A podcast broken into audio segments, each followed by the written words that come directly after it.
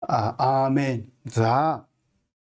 Харамсалтай нь бид нэр магтандуу явуулах боломж алга энэ бүх хугацаанд бид нэр өөрсдийн чадгаараа энэ бүх зүйлүүдийг зохицуулж байгаа гэдгийг та бүгд нэ итгэн ойлгож байгаа гэдэгт найдаж байна.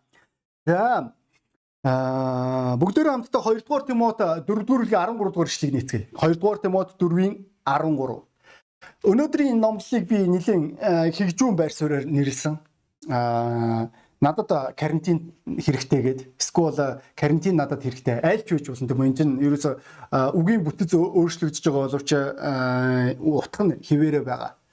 Тэгээ магадгүй та бодож ирэх юм. Уга пастор танд карантин хэрэгтэй байдгийн байгаа за надад бол карантин хэрэггүй би үнэхээр залхаж байна. Ойлгомжтой. Би үнэхээр таны энэ залхаж байгаа байдалтай би санал нэг байна. Гэхдээ найз нараа бүгдөө карантиныг ойлгомжтой. Бид нэр карантиныг бүх муу талаас нь харж болох юм. Гэхдээ өнөөдөр энэ орой бүгдөө сайн талаас нь харах гэж чий. Тэгээд та надтай хамт 2 дугаар Тимото 4-ийн 13-ыг нэхгүй. Энд чи Паул тэрээр Тимотод бичиж байгаа. Тэр үед тийм Паул нэлийн хүнд нөхцөл байдалд байсан та бүгд мэдж байгаа. Энэ нөхцөл байдлыг бид нэр карантины үе гэж хэлж болно. За тэгвэл Паул тэрээр 13 дугаар шил дээр чи эрэхтэй Троид Карпинд оргисон миний дээл номууд ялангуяа илгэн хуйлмал бичрүүдийг минь авч ирээ гэж хэлж байгаа. Энэ сонирхолтой бөгөөд энэ богинохон ишлэл маань маш их утгыг илэрхийлж байгаа нь маргаангүй. Бид нэр э, карантины үед э, одоо карантин яг ямар байдлаар хүн төрөлхтөнд нөлөөлж байгаа ойлгомжтой шүү дээ. Карантин хүн төрөлхтөнд тэр чигээр нь өөрчилж байгааг. Ялангуяа хамгийн илүүтэйгээр хор ушиг учруулж болох зүйл нь хүмүүсийн сэтгэл зүйд э, 100% нөлөөлөл үзүүлж байна гэж байгаа анх одоо энэ цар тахал маань эхлэх үед хүмүүс асар хэмжээний хурц стресс болон айдсыг зовнилыг мэдэрч исэн. Тэгээ явцын дунд энэ бүх зүйлсүүд маань нэг талаас хинэггүй байдал үүсгэс гадна нөгөө талаас зовнил болж тэр чигээр үлдсэн гэж хэлж байгаа. Зовнилын өөр төвшин болж үлдсэн гэж хэлж байгаа. Тэгээд их сонирхолтой нь энэ карантиныг ямар хүмүүс зөрчидгөө гэсэн чинь хоёр төрлийн хүмүүс зөрчдөг болж таарж байна. Нэгдүгээр элит гарлын буюу баян чинэлэг хүмүүс. Энэ хүмүүс маань болохоор яагаад зөрчдөг юм бэ гэсэн чинь нөгөө нэг баян тансаг байдал нь хязгаарлагдсан бол болох үед тэд нэр өөрсдийнхөө тэр амьдралын хэв зөгөөрөө өгүүлээд тэд нэр карантинаар хаамаагүй зугаалаа яваад гэж байгаа. Нэгт А нөгөө төрлийн хүмүүс нь болохоор ядуу зүдэн хүмүүс энэ карантиныг зөрчиж чинь гэж байгаа. Яагаад тэд нэр зөрчиж байгаа гэж хэлж байгаа гэсэн чинь тэд нэр энэ карантины үеэр бий болгож байгаа хязгаарлалтыг эмчнэрийн гэхээс илүүтэйгээр эрх мэдэл ба улс төрийн өнцгөр харж байгаа учраас цэвэр эсэргүүцлийн байр суурьаар энэ бүх зүйлийг илэрхийлдэг гэж хэлж байгаа. Тэгээд тэд нэр эсэргүүцлээ харуулах гэж хичээж байгаа. Тэгвэл найз нь ойлгох хэрэгтэй бол бид нэр энэ чиглэлийн аль алинд нь байх хэрэггүй болов. Бид нэр Монгол улсын иргэний хувьд өөрсдийн иргэний үүргээ биелүүлэх ёстой. Энэ бол үнэхээр туйлын чухал зүйлсүүдийн нэг. За тэгээд бидний амьдралд ингээд амьдралын хэв загвар өөрчлөгдөхгүйд бидний ямар байдлаар хандах вэ гэдэг маань их туйлын чухал асуудлуудын нэг болов. Хэрвээ бүгдөө үндсэн ишлийн өмнөх ишлийн хэрэг унших юм бол ялангуяа би та бүгдэд үндсэн зураглыг бүрдүүлэхийн тулд энэ ишлэгийг уншиж өгье. 2 дугаар Тимотийн 4 дугаар бүлгийнхаа 9-өөс 12 дугаар ишлэгийг хэрүү харах юм бол над дээр даруй эрхийг хичээ. Учир нь дэм өнөө үеийг хайрлаж намайг орхиод Тессалоник руу явсан. Крес Галат руу, Тит Далмат руу явсан. Ганц ганц Лук надтай хамт байна. Маркийг өөртөөгөө хамт аваад ирээ. Учир нь үйлчлэл тэр надад хэрэгтэй байна. Харин би түүхийг Эфес рүү явуулсан. Чи эрэхтэй Троид Карпинд орхисон миний дээл номууд ялангуяа илгэн хуйлмалаа бичрүүдийг минь авч ирээ гэж хэлж байгаа. За тэгвэл энэ ишлүүдээс бид нэг энгийн зүйлсүүдийг ойлгох боломжтой. Яг энэ мөчид Паулийн энэ амьдралд амьдралын нуглам эсвэл хугарал бий болсон гэж хэлж болно.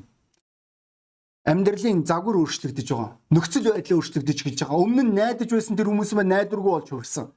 Бид нэр дэм энэ ертөнцийг хайрлсан буюу тэрээр түүнийг орхио явсан байгаа даа. Өмнө нь э, энэ дэм гэдэг нөхөр маань түүнтэй хамт бурханд үйлчилж исэн нөхөр бол одоо тийм биш. Энэ хүний хувьд э, эдийн засаг чухал. Энэ хүний хувьд э, санхүү чухал. Энэ хүний хувьд энэ ертөнцийн дугаацсан гэж энэ ертөнцийн гоо үзэгдсэн чухал байгаа. Тэгээд тэрээр өөрийн ихтгэл үнэмшлээс угарсан маргаангүй болж хувирж байгаа. Тэрээр баян чинэлэг хот руу явахыг хичээсэн.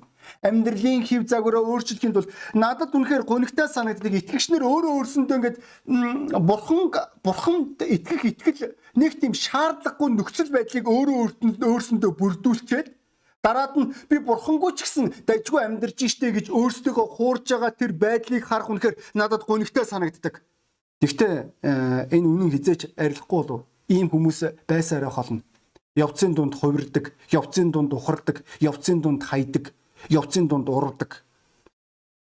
Галаад тэрээр өөрийнхөө зүрх сэтгэлийн Паул тэрээр өөрийн зүрх сэтгэлийнхаа зовнилыг харуулж байгаа. Тэрээр урвалттай учирсан. Тэрээр гадуурхалтай учирж байгаа. Тэрээр амьдралын нөхцөл байдал нь санхүүгийн бүсдэр ч гэсэн цэвэр өөрчлөгдөж байгааг та бүгд мэдж байгаа. Энэ үед Паул маань шоронд байсан гэдгийг та бүгд мэдж байгаа. Өнөөдөр бидний амьдралд өөрчлөлт гарч байна тийм үү? 20 жилийн өмнө нийгэм өөрөө өөрчлөгдөж байна. 20 жилийн өмнө хэрвээ та хүнийг зүгээр ингээд годомжинд ингээд За юу вэ? Санаач юу вэ? Дажгүй юу? Хөөс нөгөө юм чи яасан бэ гэд ингээ ярээ явж байгаа хэрвээ та гудамжинд харах юм тэр хүнээс зүхтах байсан. Тэгвэл одоо тэхгүй шүү дээ. Тэр хүн чинь чихвчтэй байж болно. Тэгээ блютуз чихвчтэй тэрээр тэр блютуз чихвчээрээ хүнтэй ярьж иж болох юм.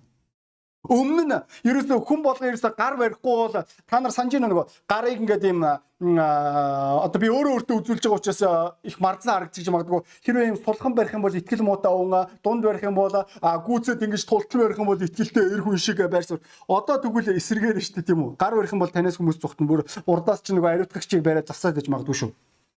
Одоо хүмүүс сайн байна уу гэдгээр өнгөрдөг болсон тийм үү Өмнө нь хүмүүс ерөөсөө өөрийнхөө одоо санхүүгийн зарцуулалт төртлөө өөрчлөгдөж байгаа шүү дээ. Бидний хооллолт төртлөө өөрчлөгдөж байгаа. Өмнө нь бид нэр кофе кофений газар ороод хоол идчих болдог байсан. Бид нэр ресторан хоол идчих болдог байсан. Бид нэр цайны газар хоол идчих болдог байсан бол одоо тийм биш. Одоо гэрээ хоолноос өөр ямар ч сонголт авахгүй. Энэ маань аа өөрөөр байх боломжгүй болон найз нь. Чиний санхүүгийн зарцуулалт өөрчлөгдөж байгаа. Би итгэлтэй байна. Та энэ карантины үеэр хамгийн илүү их мөнгө зарцуулж байгаа зүйл чинь хувцас биш. Таны хамгийн ихээр зарцуулж байгаа зүйл чинь мах, хүнс энэ бүх бүтээгдэхүүнүүд. Тэгээд бид нэр өмнө нь янз бүрийн байдлаар зүгээр нэг юм агаарт гардаг байсан бол бид нэр одоо энэ янз бүрийн хоригоос болоод бид нэр нохоо ингээд бариад ингээд салхилуулдаг байсан бол одоо бид нэр уут бариад салхилуулах хэрэг гарч штеп. Бид нэр цагдаа нарын өмнө тийм уутаа харуулад ингээд дэлгүүр орж ийна.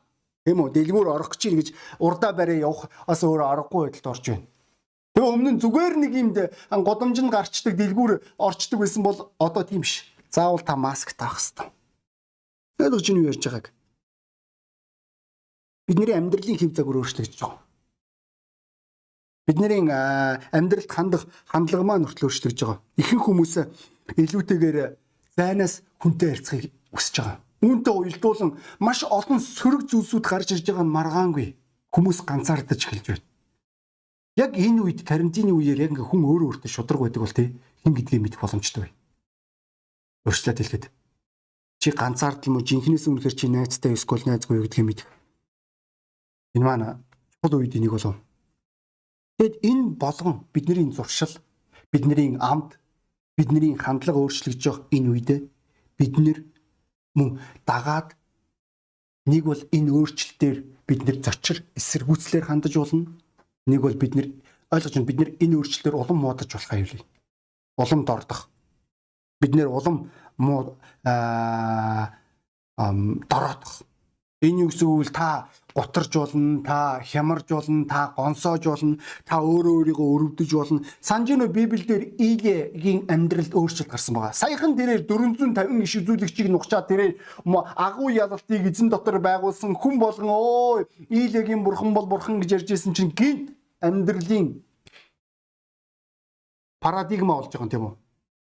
Тэгээ үүнээсээ болоод тэрээр гонсоож гутраад тэрээр юу шилж байгаа бол оо амьдрах утгаалгаа амьдрал юм байна амьдрал тийм байна ойлгож байгаа үстэй. Үүнээс болж зарим хүмүүс маань бүр харамсалтай алтан амиа алдаж байна.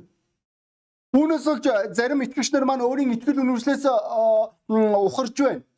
Бид нэр өөрөө өөрсдийнхөө итгэлийн зарчмуудаас хойшоогоо болж тэдний үнлэмж маань өөрчлөгдөж байх аюулгүй найснараа? Юу ярьж байгааг ойлгож байна. Бидний махан бие маань төрөлхийн залхуурах мөн чанартай. Өмнө нь та яаж хийж байгаад цуглаандаа хурж ирдэг гэсэн бол одоо та цуглаандаа хурж ирэх тэнхээгүй болж болно. Карантин болох үед. Та залбирдаг гэсэн бол та залбирхаа болцсон байж болох юм. Бид нэр нөгөө хоёрдугаар э, термодинамикийн хуулийг тэр чигээр нь даган энэ хуулийн дагуу амьдарч иж болно шүү дээ. Бүх юм ялзарлуу, бүх юм муу юм руу, бүх юм одоо яг муутах руу шилжиж байгаа. Тэгвэл өнөөдөр итгэгч минь чи яг ийм байдал руу шилжиж байгаа. Та амьдралдаа одоо хэрэгтэй гэсэн хэлээдгээр хэрэггүй зүйлсүүдийн араас та хөөцөлдөж байгаа. Бүр хамгийн амар зүйлийг би чамд хэлэх бай. Чи үүндээ тасаж болно. Яг үнэндээ хэлэхэд биш үү найзаа бүлийн итгэгчийн шинж тэмдэг буюу. Чи өөрөө өөртөө ингээ бурханд итгэх шаардлагагүй орчин бүрдүүлээд ингээд ийм би ингээд энэ өрөөндөө ингээ гихтээ одоо нэг орчин бүрдүүлчихэд энэ орчин бол үний юм а гэж ярих. Тэгээд бодит нийгмээс өөрийгөө тусгаарлах чинь утгагүй гэдгийг та бүгд ойлгож байгаа болов энэ маань тэнэглэл байгаа. Энэ маань дэндүү бодлогогүй ойлголт.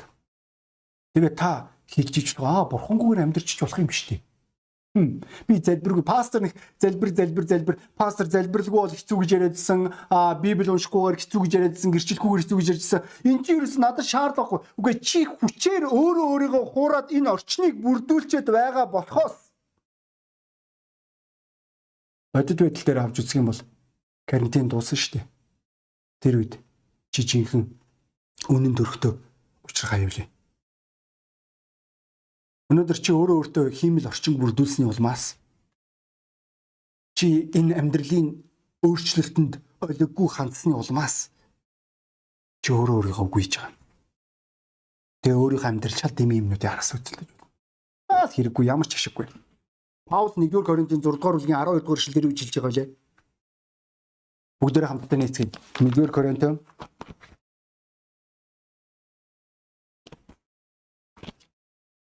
6-гийн 12. Надад бүх юм зөвшөөрөгддөг гэсэн ч бүх юм тустай биш. Надад бүх юм зөвшөөрөгддөг гэсэн ч би юугаарч эзэмдүүлэхгүй гэж хэлж байгаа. Өнөөдөр найз минь чи өөрийнхөө амьдралдаа тусгүй, хэрэггүй зүйлсүүдийн араас хөөцөлдөж явах аюул бий яг энэ мөчд.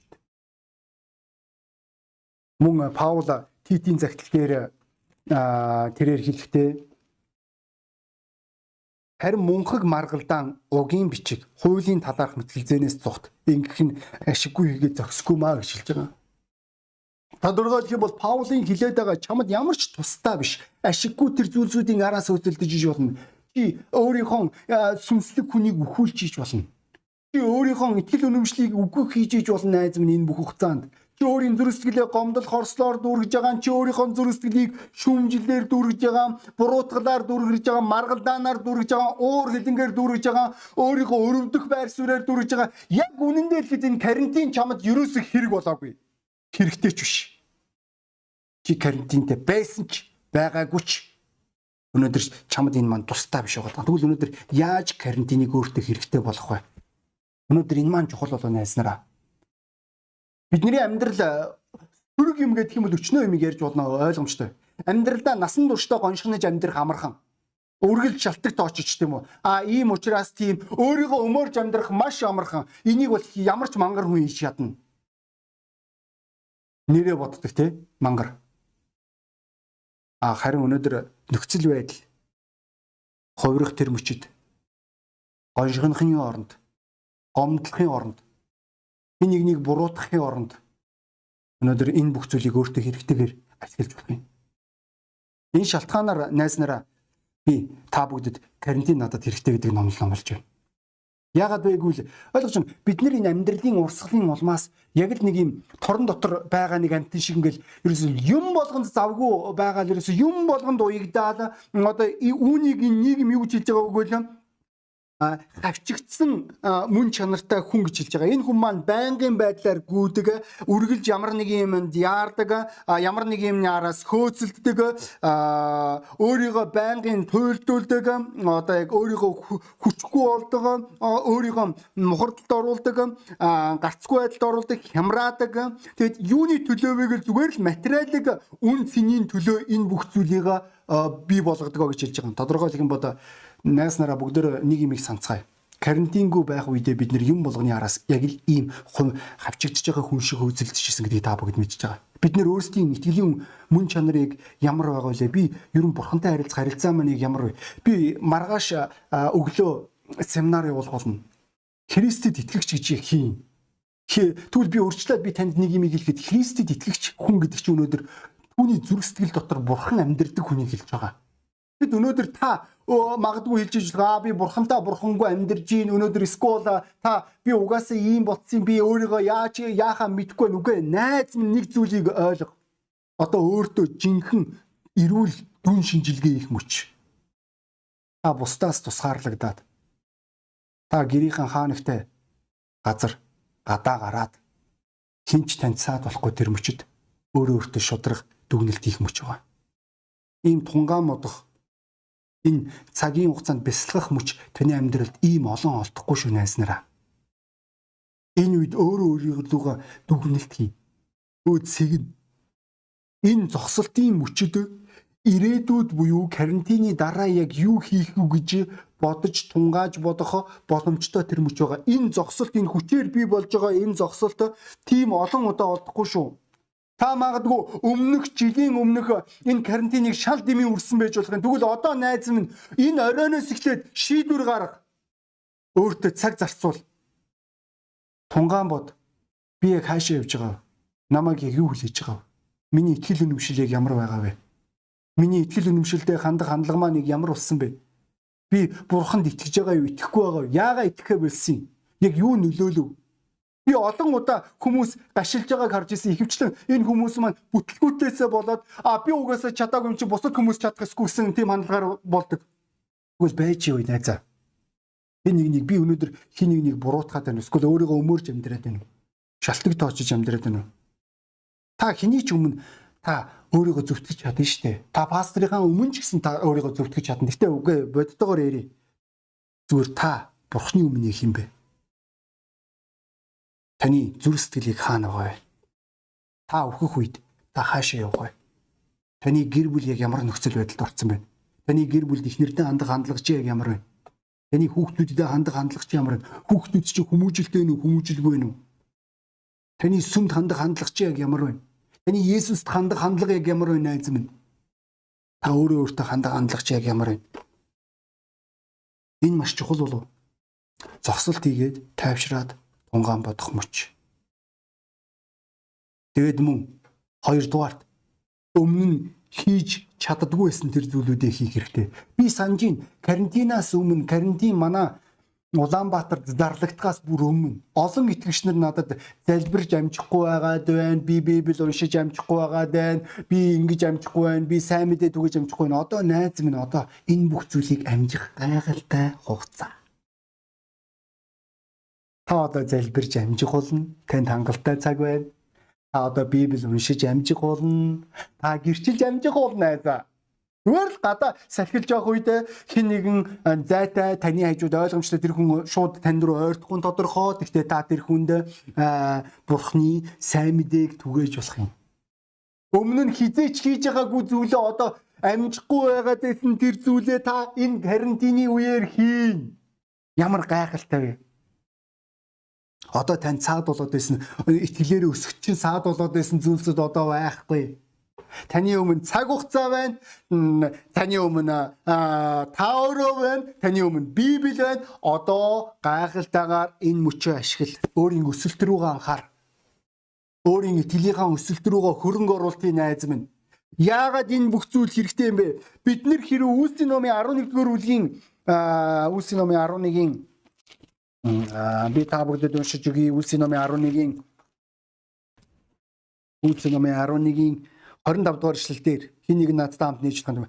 Тэгээд тэр Саулыг олохоор Тарс руу явжээ гэж хэлж байгаа. Энэ ишлэл, энэ богино ишлэл.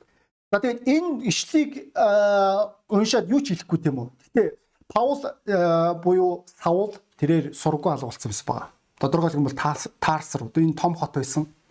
Тэгвэл Барнаб Антиохт сэргэлт эхэлж байгаа. Антиохт хүмүүс аврагдаж гисэн их хэмжээний хүмүүс шүү. Тэгээд Паул тусгаалan Тарсас Саулыг буюу ирээдүйн Паулыг ирж хайж олох гэж явсан байгаа даа. Энэ Паул тэр Тарсад 9 жил болцсон байсан.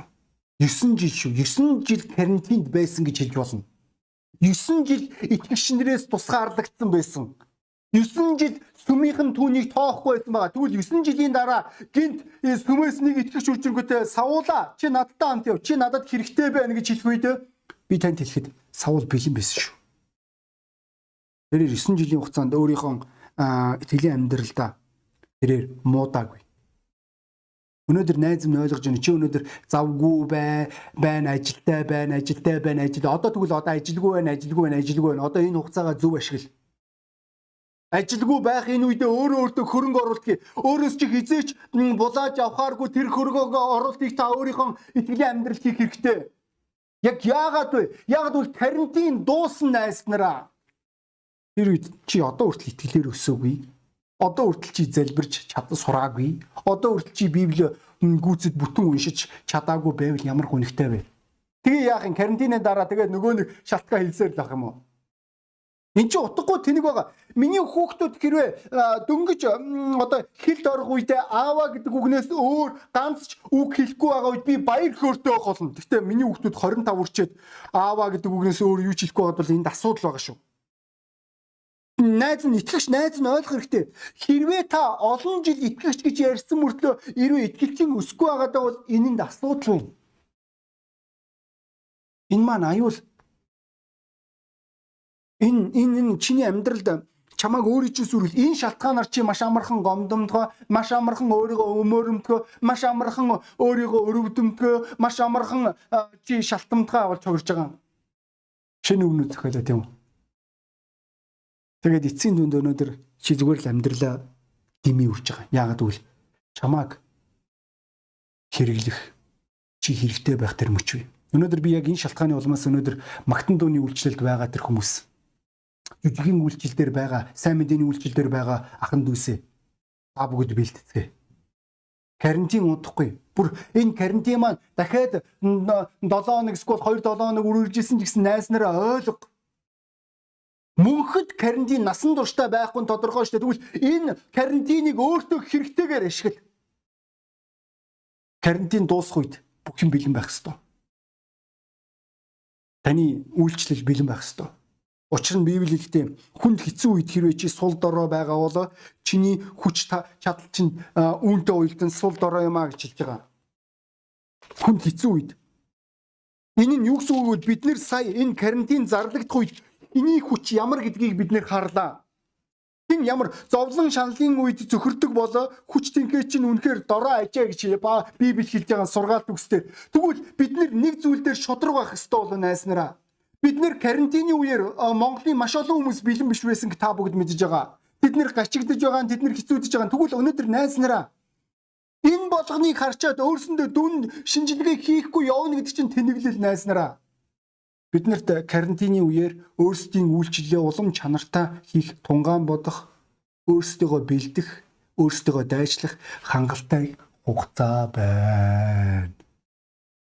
Энэ хугацааг өөртөө хэрэгтэйгээр Энэ шалтгааны улмаас найз нараа биднэрт карантин хэрэгтэй. Нөгөө амжихгүй амжихгүй гэдээсэн ярианы чинь шалтгийг хариулахын тулд энэ карантин биднэрт өгөгдөж. Тэгвэл энэ карантиныг найз минь чи яг яаж ашиглах вэ? Энэ чамаас шалтгаал болно. За тэгээд хүн болгон толгоо талгаад нүдэ анихгүй. Энэ орой энэ номлын дараа шийдвэр гаргах хэрэгтэй. Наа итгэж найз минь та ойлгож байгаа Та өмнө нь ажилдаа байх үедээ би амжихгүй амжихгүй гэдэг шалтгаан хэлдэг байсан бол одоо та ажилгүй болчиход байна. Тэгээ та өөрөө итгэлийнхээ амьдралдаа хөрөнгө оруулалт хийхгүй бол та өөрийнхөө өөрийнхөө сүнслэг хүн рүүгээ хөрөнгө оруулалт хийхгүй бол өөрийн хамаатан садангаа яагаад аварч чадахгүй байсан? Яагаад одоо хүртэл Библийг уншиж дуусгаагүй? Яагаад одоо хүртэл залбирч чадахгүй байгаадаа энэ шалтгааныхаа хариултыг энэ өрөө энэ номлоос таавлаа. Карантин биднэрт хэрэгтэй найснараа. Бид нарыг тунгаан бодоход өөрөө өөртөө зөв дүгнэлт хийхэд мөн ирээдүйн рүү зөв шийдвэр гаргахад өөрөө өөрийгөө дайчлахад тэгвэл итгэгч ахын дүүсээ би та бүгдийг энэ орой бурхны өмнө шийдвэр гаргаасаа гэж хүсэж байна. Амлалт өгөөсэй гэж хүсэж байна найз минь. Энэ маань чухал гэдгийг та бүгд мэдэж байгаа. Өөрийгөө хуурах хэрэггүй. Мөн өрөөлийг хуурах ч хэрэг байхгүй. Эцсийн дүнд өнөдөр Хүн юу тарин тэрийг л хураадаг. Тэгвэл бид нар карантин дуусах үед сүмийн хувьд итгэгч ахын дүүсийн хувьд бид нэр бэлэн байх хэрэгтэй байна. Тэрнээс улсаа карантинаар өмнө нь та шалтгаан хэлээд ажилдаа ажилдаа гэдэг шалтгаан хэлдэг байсан бол одоо танд ямар ч шалтгаан байхгүй. Өглөөний залбиралдаа явж сурахад бүр ойлгож байгаа өглөөний залбирал чинь зүгээр өглөө орноосоо босоод өглөөний залбирал шүү дээ. Энд чинь ерөөсө хаа нэгтэй газар явах шаардлага байхгүй. Одоо өглөөний залбиралд босод сурах хэрэгтэй. Та залбиралд цаг зарцуулж сурах хэрэгтэй. Та Библи уншихад зориулж сурах хэрэгтэй.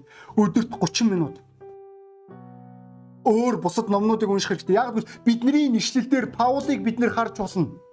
Та бүгд итгэгч хүний хувьд энэ номлын үндсэн ишлэл маань энэ бүх номлын явцад яригдж байгаа гэдгийг та ойлгож байгаа болов уу? Паул тэрээр шоронд байсан ч гэсэн тэрээр хэлж байгаа. Надад ном хэрэгтэй байна. Надад Библи хэрэгтэй байна. Үн энийг авчираарай. Би энэ бүр карантинд байгаа ч гэсэн би өөртөө хөрөнгө оруулалт юмэр байна. Хамгийн агуу, хамгийн чухал хөрөнгө оруулалт гэдэг бол өөртөө хөрөнгө оруулалт хийхийг хэлж байгаа. Би нэг англи хэлээ сурч хэлэх хэрэгтэй. Шийдвэр гаргана эзэм. Хин нэгэн өнөөдөр залбирч эхлэх хэрэгтэй. Хин нэгэн Библи уншиж эхлэх хэрэгтэй. Хин нэгэн гэрчлэлдээ өөрийгөө хурцлах хэрэгтэй. Хин нэгэн өөрийгөө үйлчлэлээр хурцлах хэрэгтэй. Энэ маань туйлын чухал. Тэрээс бол цаг нь ирэх үед би өөрийгөө зөв үгүй битгий залхуур. Энэ өөрөө өөр өөртөө шудраг хэрэгтэй. Хинч та хэний ч өмнөөс амьдраагүй шүү. За тэгээд магадгүй өнөөдөр та энэ номлыг сонсч иж болох юм. Тийм ээ энэ номлын нэр нь жоохон entertainment номлын нэр. Гэхдээ өнөөдөр найз минь би чамайг энэ хугацаанд өөр өөртөө шудраг байгаасаа гэж хүсэж байна. Та энэ номлыг сонсож байгаа энэ үед та нэг зүйлийг мэднэ. Саал нэгт болов. Та нүгэлтэй гэдгийг мэднэ. Нүгэл өнөөдөр хүмүүсийн амьдралыг сүрүүлдэг. Хүн өнөөдөр ямар ч шалтгаан хэлж болох юм. Энийга би бодтойгоор харах, эрүүлэр харах гэж хэлж болно. Гэхдээ хүний мэс чанар хизээч хэнийг ч хурж чадахгүй. Өнөөдөр нүгэлт хүнийг Библи хэлэхдээ том хүлээж байгаа.